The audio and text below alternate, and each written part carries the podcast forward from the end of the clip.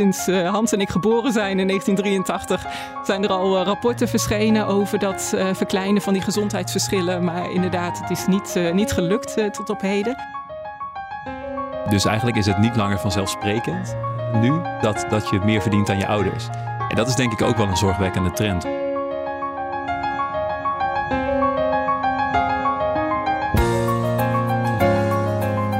Hoe welvarend is Nederland?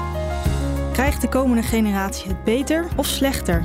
ESB zoekt het uit in Welvaart, de brede podcast. Samen met onderzoekers, beleidsmakers en politici. Welkom bij de vijfde aflevering van de brede podcastserie van ESB over welvaart.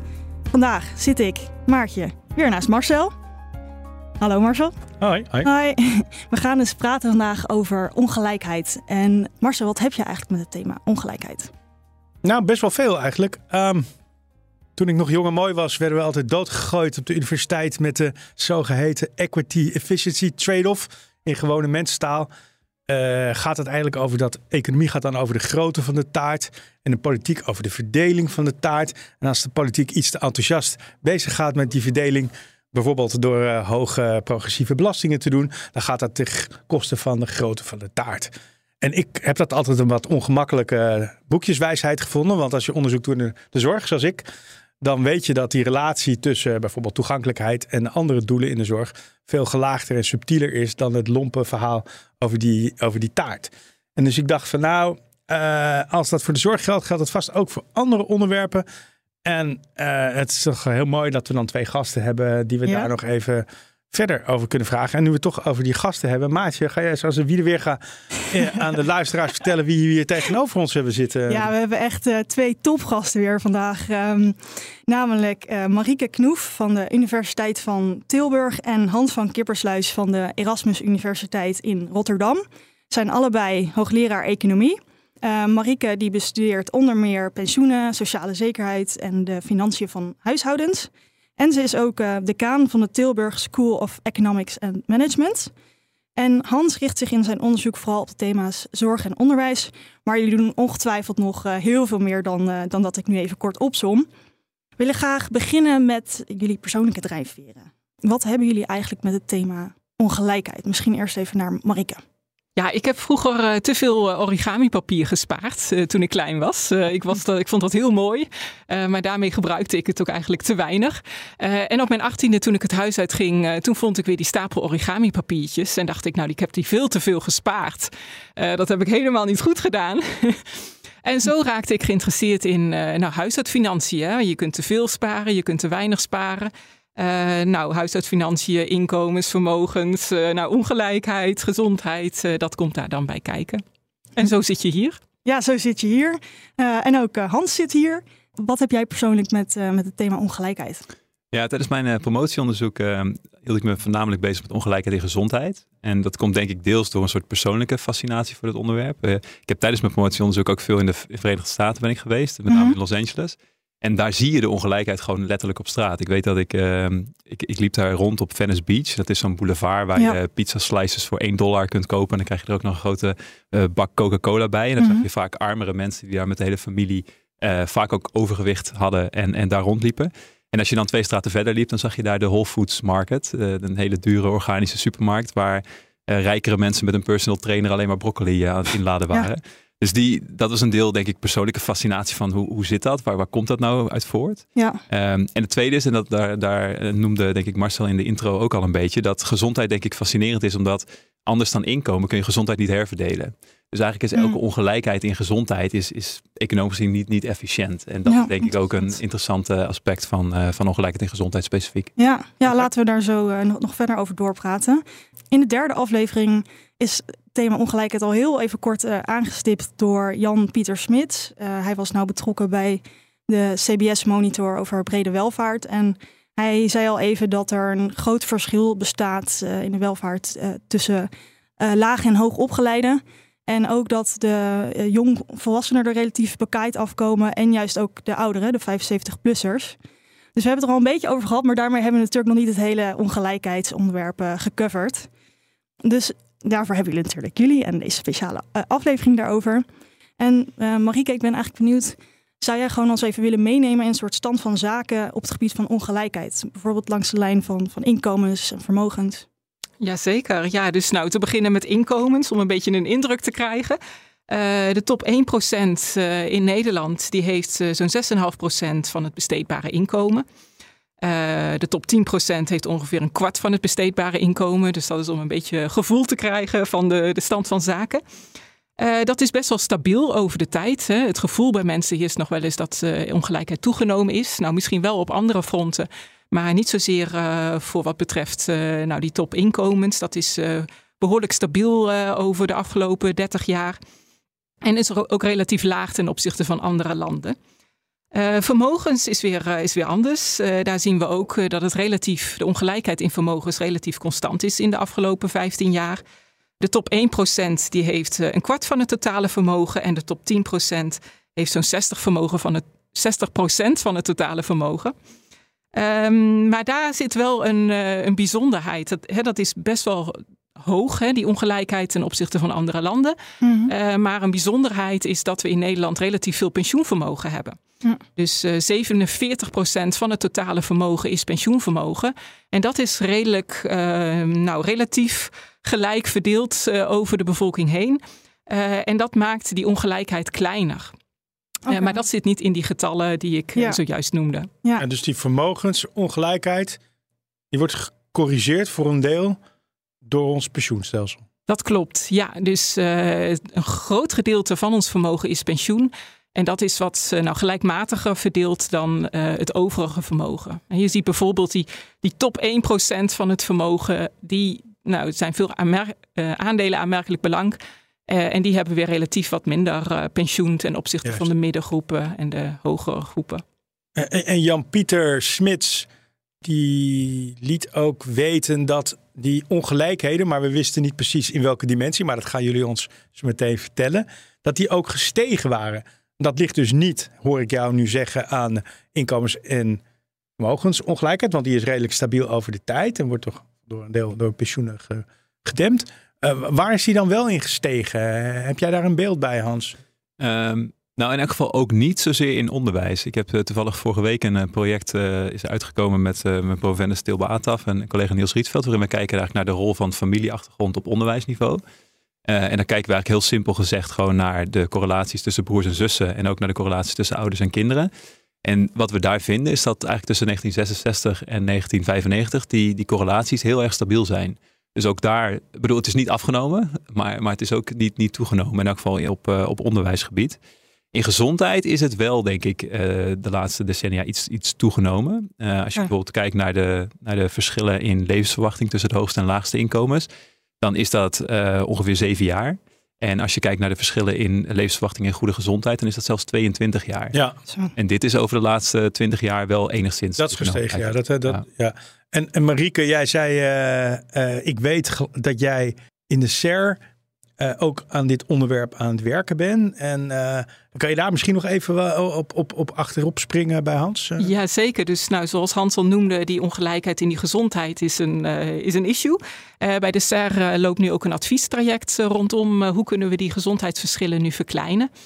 Uh, wat ik daar wel zie is, uh, nou enerzijds schokkend. Hè, sinds, dat, sinds Hans en ik geboren zijn in 1983 zijn er al rapporten verschenen over dat verkleinen van die gezondheidsverschillen. Maar inderdaad, het is niet, niet gelukt tot op heden.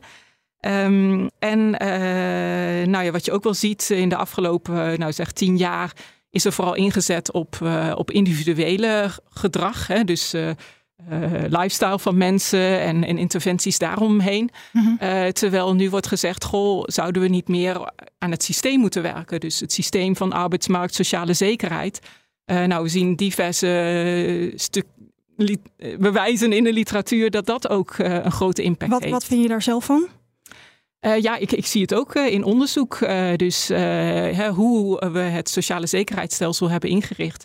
Uh, heeft effecten op de gezondheid van mensen en, en ook op de generaties uh, daarna zelfs.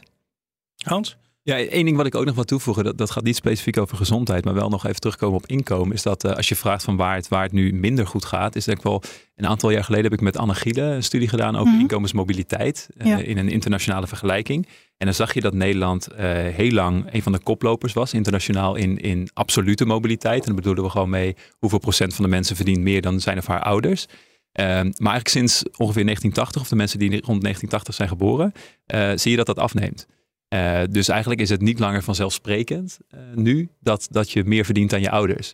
En dat is denk ik ook wel een zorgwekkende trend, omdat dat iets zegt. Waarom is dat zorgwekkend? Nou, ik denk dat het uh, was natuurlijk jarenlang een, een soort van belofte. was eigenlijk een eeuwige belofte van het kapitalisme. Dat elke generatie het automatisch beter had dan de vorige. Mm -hmm. En dat staat nu denk ik voor het eerst onder druk. En niet alleen op, op inkomensgebied. Maar ik, ik, zag toevallig Marieke vorige week ook op, uh, op een ander forum uh, voor economen en bedrijfskundigen. En daar zei zij denk ik ook terecht dat het ook op, in andere aspecten niet vanzelfsprekend is exact. Ja. Dat, dat de, de huidige generatie het beter heeft dan de vorige. Maar staat dat, staat dat echt onder druk als je gewoon naar de feiten kijkt? Of, of is dat ook een soort gevoel dat mensen hebben? Ik, ik denk een beetje van beide. Maar als je kijkt naar inkomensmobiliteit, is het echt een feit dat het percentage mensen dat hm. meer verdient dan zijn ouders nu aan het teruglopen is. Ja. Oké. Okay. Ja. Okay. We gaan even de... nog een vraag over. Oh, daar heb je nog een vraag over? Nee, daar is de. Oh, ja, nee, oh, je, je gaat een beetje zitten, een beetje zitten verklappen. nee. we gaan eventjes uh, uh, wat meer filosofisch naar ongelijkheid kijken. Politiek filosofisch. Want als ik uh, naar publieke debatten, politieke debatten luister, dan uh, hebben ze het over ongelijkheid. En dan uh, met name links partijen, dan zie je hun hele gezicht zie je dan, betrekken. En dan is het meteen iets wat schandelijk is of wat per se slecht is. Maar als ik dan als wetenschapper denk, denk ik van nou ja, een volledige gelijkheid is communisme. En dat heeft de wereld tot nu toe nog niet veel gebracht.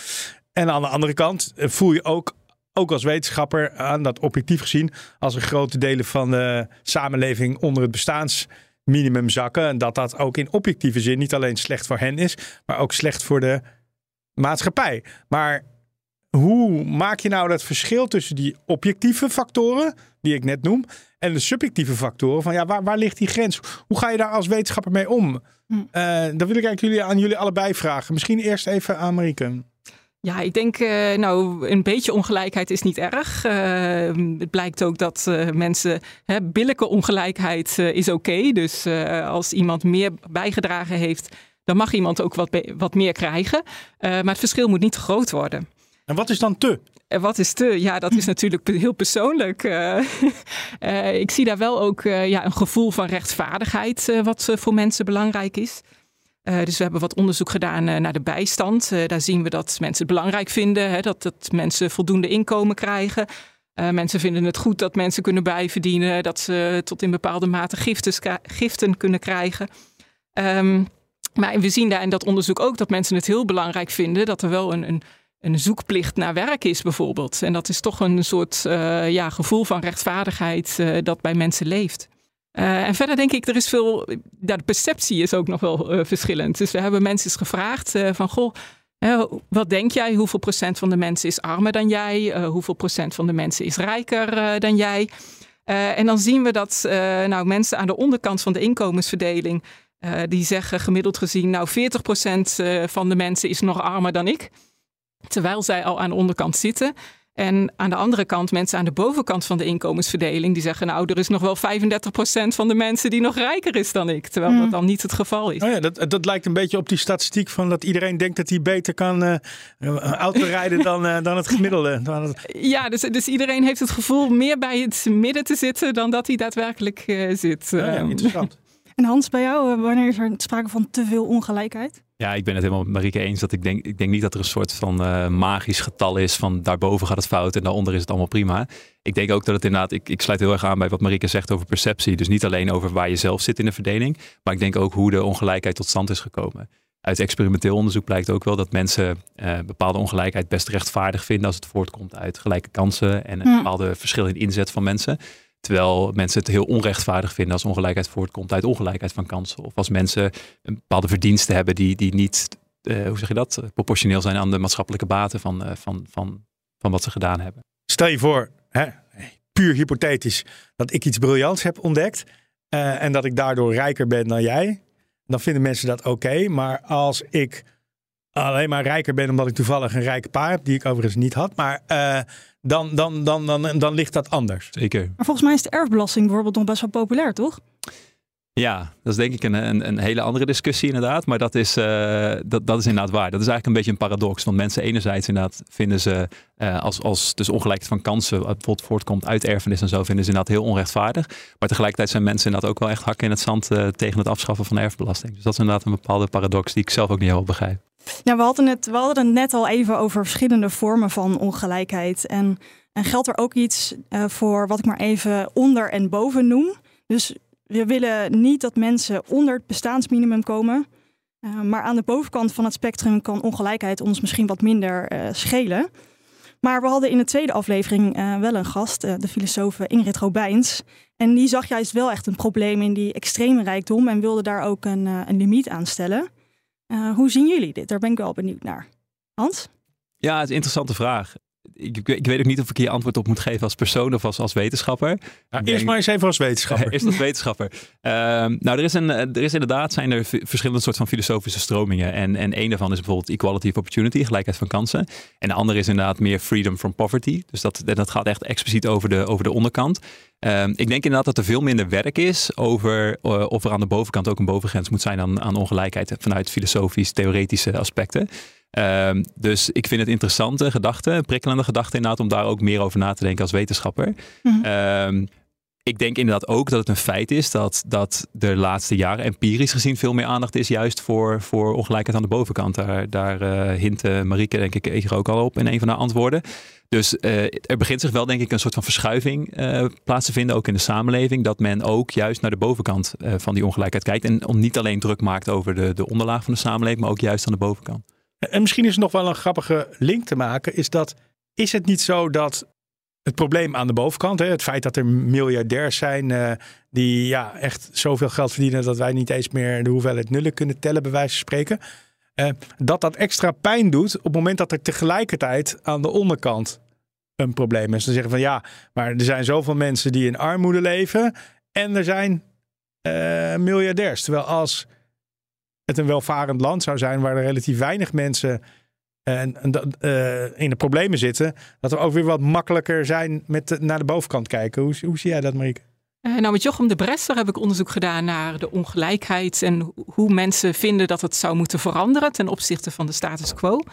Uh, daar zien we dat 50 tot 60 procent van de mensen minder ongelijkheid wil. En daar zit het hem vooral in de bovenkant van de inkomensverdeling, waar ze meer herverdeling zouden willen. Dus dat sluit aan bij wat hier eerder gezegd is. Uh, ik moet zeggen dat ik daar zelf wel verrast over ben. In die zin dat ik zou zeggen, nou armoede is toch iets waar we meer zorgen over zouden ja. moeten hebben dan, dan de bovenkant. En praktisch gezien heeft het natuurlijk ook wel, kan het wel gevolgen hebben. Hè? Ik, als we zo'n bovengrens instellen, terwijl andere landen dat niet doen. ja, dan kunnen mensen ook verhuizen. Uh, ja. Dus uh, ik weet niet hoe dat uh, uitpakt. Nou, maar mij lijkt het, in, het meest ingewikkelde aan het hele limitarisme gedachtegoed. Waar leg je de grens dan? Op basis van welke... Kijk, bestaanszekerheid, dat is makkelijk. Want ja, dat kun je op, op, op, een bepaalde manier objectiveren. En maar ja, waar een grens aan de bovenkant ligt, lijkt mij volkomen arbitrair. En daarom moeilijk uitvoerbaar. Ik weet niet hoe jullie, zien jullie dat? Ja, dat, dat denk ik ook. Dat is uh, toch poli een politieke vraag. Ja, ja, ja, ja, ja. nou ja, ja en, en, en, en, daarnaast ben ik dan benieuwd van uh, als je die, die prikkel weghaalt, waar jij Marieke net ook al een beetje op hinten, uh, dat je niet veel kan verdienen. Ja, dat, dat klinkt misschien ergens, ergens sympathiek, maar misschien resulteert, resulteert er wel in dat we uiteindelijk allemaal minder welvarend worden als we dat soort prikkels weghalen. Dat, ja, de, ik denk dat de limitarisme daar weer tegenin zouden brengen. Van ergens houdt die prikkel ook op. Hè? Ik bedoel, als ik mij probeer te verdiepen, ik vind mezelf al best rijk. En als ik nog tien keer zo rijk zou zijn dan ik nu ben, nou, dan moet ik al flink gaan nadenken wat ik daar in godsnaam mee moet doen. Maar als ik duizend keer zo rijk zou zijn, dan denk ik niet dat er nog iets met prikkels aan de hand is. Mm, nee, interessant. Dus, maar goed, we gaan nu even over op een volgende uh, onderwerp. En eigenlijk uh, het onderwerp waar ik uh, mee begon, in, waarom ik zelf uh, zo geïnteresseerd bent in het onderwerp. Um, en dat is namelijk dat ongelijkheid niet een thema op zichzelf is. En hè, we hebben het over de economie en hè, BBP-groei en winst en alles en zo. Oh ja, en dan moeten we het ook nog eens een keer verdelen. In de zorg bijvoorbeeld uh, is er een hele interessante relatie tussen. Soms uh, gaan toegankelijkheid van de zorg. Hè, want, gaan samen met kwaliteit, samen met betaalbaarheid. En soms botsen ze met elkaar. En dat vind ik ook een heel interessant onderzoeksgebied. in welke mate ongelijkheid en groei, zal ik maar even zeggen, zeg maar communicerende vaten zijn. En in welke ze echt tegen elkaar ingaan. Hebben jullie daar onderzoek naar gedaan of hebben jullie daar gedachten bij? Misschien eerst Hans even. Um, ja, is interessant. Ik heb daar niet zelf heel veel onderzoek naar gedaan. Wat ik wel weet is dat bijvoorbeeld Angus Deaton, de, de Nobelprijswinnaar, die heeft daar hele interessante dingen over gezegd. En die zegt eigenlijk dat elke innovatie in eerste instantie gepaard gaat met toenemende ongelijkheid. Oh ja. En dat is simpelweg omdat de, de, hoe zeg je dat? De uptake van, van elke innovatie ja, is niet gelijk of wordt niet gelijk verspreid over de, over de samenleving. En vaak zijn het hoger opgeleiden die eerder van bepaalde innovaties gebruik maken dan, dan lager opgeleiden. En uiteindelijk hoop je dat dat doorcijpelt, maar dat is, dat is niet altijd Dus die, die, miljardairs van de big tech, uh, die hebben aan Enkers Dieten te danken, begrijp ik. Uh. dat, uh, dat durf ik niet te zeggen. Maar, dat, maar, maar misschien is dat ook wel weer hoopgevend, dat ze, dat ze op een gegeven moment kunnen plukken en dat iedereen daar dan kan van profiteren. Ja. Mogelijk, mogelijk. Uiteindelijk is misschien voor de algemene welvaart en levensstandaard wel goed. Ik bedoel, dat soort innovaties. We zijn toch met veel innovaties toch ook wel blij, neem ik aan. Nee, zeker. Ja. zeker. En Marieke, hoe zie jij die relatie? Ja, ik denk, hè, dit gaat over brede welvaart. Ja? Uh, dus uh, inkomens, vermogens, uh, gezondheid is genoemd. maar ik denk als je het over brede welvaart hebt, dat ook ongelijkheid op andere vlakken van belang zijn. Hè? Dus kun je omgaan met de digitale wereld? hoe ziet het sociale netwerk eruit? en, en zijn er mensen in je omgeving die jou hm. kunnen ondersteunen als je het moeilijk hebt? Uh, nou, autonomie, uh, het gevoel dat je meedoet in de samenleving. Ik denk dat het is ook de optelling van uh, dit soort zaken die ertoe doet. Uh, dus, dus waar we net zeiden, goh, misschien dat de inkomens- en de vermogensongelijkheid relatief constant zijn. Maar de perceptie van ongelijkheid is veel breder dan inkomens en vermogens. en, en ook nog breder dan, dan gezondheid. Ja, Wat je perceptie met van ongelijkheid? Uh, dus ja, als je ook uh, je sociale netwerk, uh, de ondersteuning van je omgeving mist hmm. en ook met de digitale ontwikkeling niet goed mee kan komen, okay, ja. Ehm, het gevoel hebt dat er over je beslist wordt in plaats van dat je daaraan mee kan doen, dan denk ik dat hè, dat gevoel van goh, er is ongelijkheid in de wereld, mensen, anderen beslissen over jou, dat, dat, ja, dat dat vergroot wordt. Zou, zou dat ook een verklaring kunnen zijn? Dat laatste wat je zegt, hè? Um, voor dat mensen zich nu niet meer gehoord voelen. Of dat, uh, dat er zeg maar, uh, afstand naar de politiek is. Mensen kritisch zijn. Omdat het idee is van ja, dat beslissen ze allemaal in Brussel of Den Haag. Is dat, uh, speelt dat daar ook een rol? Denk je? Nou, ik, ik kan me wel voorstellen, wat het net over ongelijkheid in, in, in opleiding. Dat ja, we hebben natuurlijk een soort diploma-democratie. Hè? Dat de mensen met de hogere opleidingen meer mee bepalen over uh, wat er gebeurt.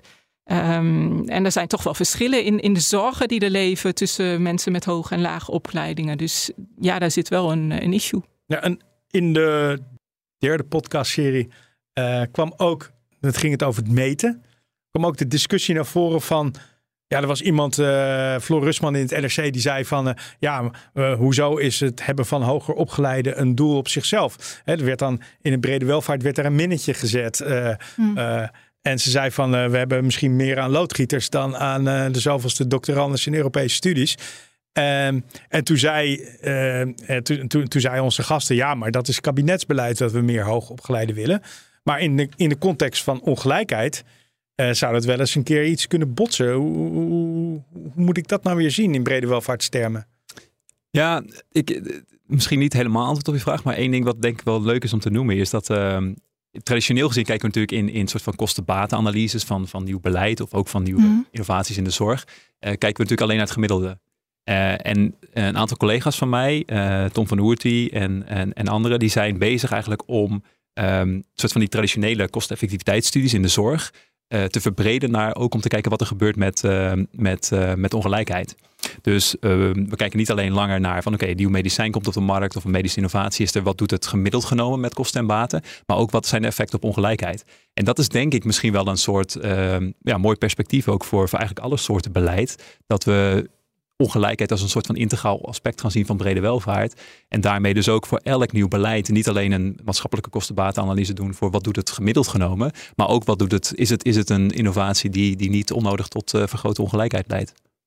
Ja, of, of omgekeerd. Hè? Dus dat je in je beleid rekening houdt En dat je bijvoorbeeld in je design van je beleid uh, veiligheidskleppen inbouwt om te zorgen dat het beleid terechtkomt bij, de, bij degene die daar, die daar, die daar voor, die, voor wie het bedoeld is. Want dat, dat, dat is met die toeslagenaffaire onder andere, maar ook met andere dingen, is dat wij heel veel beleid maken voor kwetsbare doelgroepen die niet bij die kwetsbare doelgroepen terechtkomt. Uh, hebben jullie daar ook onderzoek naar gedaan? Of uh, weten jullie daar wat van? Want dat lijkt mij ook een interessante aanknopingspunt om iets aan ongelijkheid te doen. Want dan heb je al een kabinetsbeleid dat zegt ik wil ongelijkheid aanpakken. Dus dat is kennelijk, dat zou dan idealiter de collectieve preferenties reflecteren. Maar het beleid wat het doet, uh, bereikt dat effect niet. Is, daar, is daar onderzoek naar gedaan? Uh, nou, iets, iets breder de vraag interpreterend. Hè, die brede welvaart, dat die wel relevant is ook bij die afwegingen van beleid. Dus uh, als ik denk aan de onderkant, uh, nou, de reïntegratie van bijstandsgerechtigden bijvoorbeeld. Um, als je misschien alleen kijkt naar wat is het effect op arbeidsparticipatie en op inkomen. Misschien is sommig beleid dan niet kosteneffectief.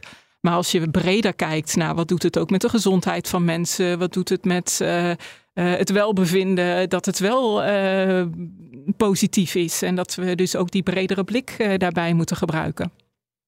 Ja, en ook er zijn inderdaad ook wel onderzoeken die, die kijken naar bijvoorbeeld, ik weet één studie die me te binnen schiet in Amerika, hebben ze gekeken naar of bijvoorbeeld vouchers voor studenten op bijvoorbeeld op een universiteit zich, te, zich in te schrijven, zeg maar, of dat werkt of niet. In veel gevallen werkt dat niet. En als ze dan dus een hele diepe interventie doen, waarin ze mensen echt helpen met het invullen van formulieren en dergelijke, dan kun je oh, dat gat inderdaad echt wel substantieel verkleinen.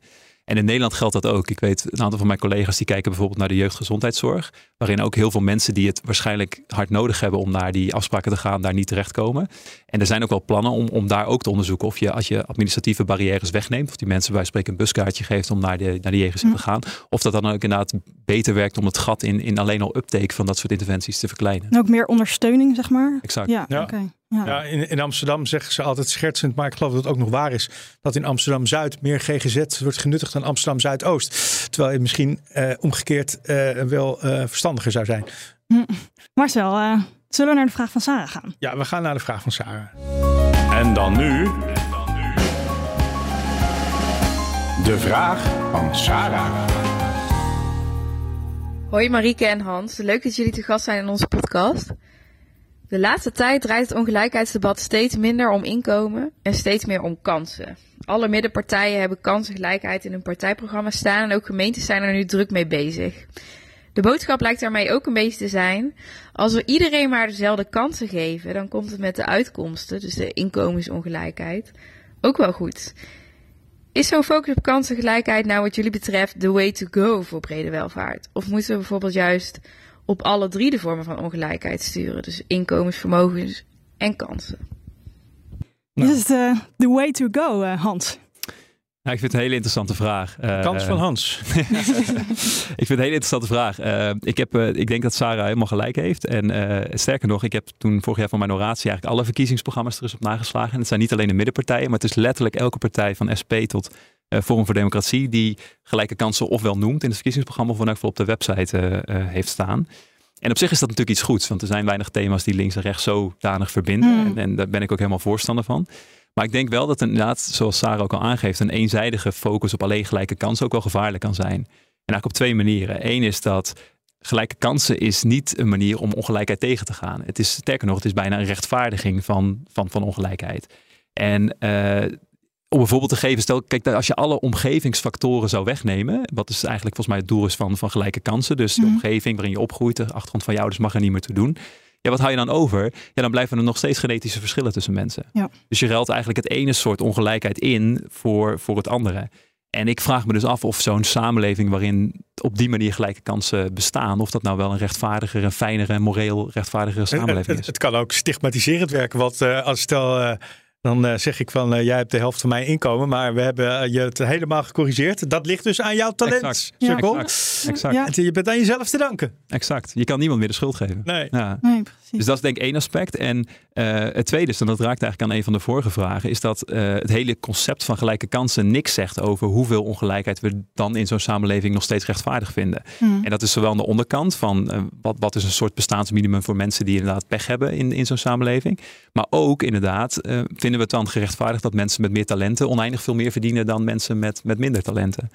Dus ik denk dat die, soort van schijnconsensus over gelijke kansen die nu lijkt te bestaan in het politieke spectrum eigenlijk wel gevaarlijk is, omdat het heel veel fundamentele discussies over ongelijkheid en uitkomsten een beetje vermijdt op die manier. Het zijn, uh, het zijn super interessante vragen die, uh, die je opwerpt. Uh, Marieke, ja, ja. hoe denk jij hierover? Ja, ik denk ook als je puur en alleen zou richten op, op kansen, dan ja, maak ik me wel zorgen ook om de mentale gezondheid van mensen. In die zin, als het dan niet goed gaat, dan komt het echt door jou en niet door iets anders. Ik kan nou, ook dat nog is, zeggen dat het door pech komt, toch? Um, die kan je nog wel de schuld geven. Ja, dat zou uh, ook nog kunnen, ja. uh, maar het is wel een kanttekening. En ik denk, ja, je, je, moet naar alle drie kijken, maar misschien nog wel meer dan dat. Hè? Dus inkomensvermogens, uh, kansengelijkheid werd door Sarah genoemd. Maar zoals we eerder zeiden, hè, het sociale netwerk van mensen... of iemand meedoet in de samenleving, zijn, ook, zijn ook heel belangrijk. Ja, en als jullie nou op één knop kunnen drukken qua ongelijkheid. Wat zou dan de meest logische knop zijn? je, hebt, je hebt even een magische Harry Potter toverstafje. En dan kan je op die dimensie kan je eventjes een, een, een, een even iets doen. Wat zou je dan doen? Nou, ik denk vanuit mijn achtergrond uh, zou ik zeggen gezondheid. Maar ook wel, dus niet alleen om, omdat ik daar zelf het meest geïnteresseerd in ben misschien. Maar ook wel omdat gezondheid natuurlijk een soort van noodzakelijke voorwaarde is om, om deel te nemen in de maatschappij. En ook om inkomen te verdienen en om vermogen te verwerven. Dus ik denk dat gezondheid wel een van de basisfactoren is. Als je die ongelijkheid in gezondheid zou kunnen terugdringen op een magische manier dan leidt dat hopelijk ook tot een verkleining van ongelijkheid in andere aspecten. Nou, ik snap ook wel dat je dat zegt, omdat dit zo'n hardnekkig probleem is dat je haast wel een toverstafje nodig, nodig hebt om er wat, wat, te doen. En jij, Marieke? Ja, ik, ik, kan me vinden in gezondheid en tegelijkertijd, uh, ja, dit is niet voor niks uh, de brede podcast. Uh, in die zin ben ik bang dat er geen magische knop is. Hè? We zijn nee. natuurlijk, we zien multiproblematiek in de samenleving. En we zien ook wel in onderzoek dat dan één knop niet helpt, maar dat je juist op die verschillende domeinen actie nodig hebt om verbetering te krijgen. Ja, en ik begrijp dat de, het nieuwe denken op het gebied van gezondheidsverschillen is dat je eh, niet alleen maar naar het individueel, of misschien wel niet naar het individueel niveau moet kijken, maar naar het collectief. Hoe, hoe zorgen wij dat de omgeving van mensen zodanig is dat die gezondheidsverschillen eigenlijk spontaan verdwijnen? Is dat, is, is dat een beetje het nieuwe denken? Wat mij betreft wel. Ah, goed zo. Ja, oké. En ook daar geldt natuurlijk dat er altijd een combinatie is. Juist. Maar ik denk die, hè, hoe het systeem ingericht is, wel echt een grote impact heeft. Uh. Ja. Ik, ik zit nog even met, nou eigenlijk met, met twee vragen.